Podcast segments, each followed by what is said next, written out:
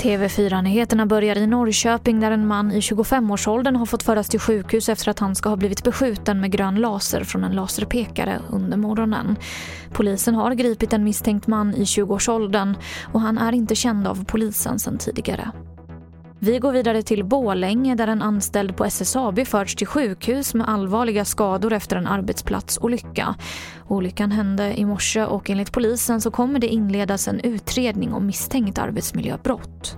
Så till Spanien där regeringen kommer att införa nya hårdare restriktioner för att försöka hejda en andra våg av covid-19-fall.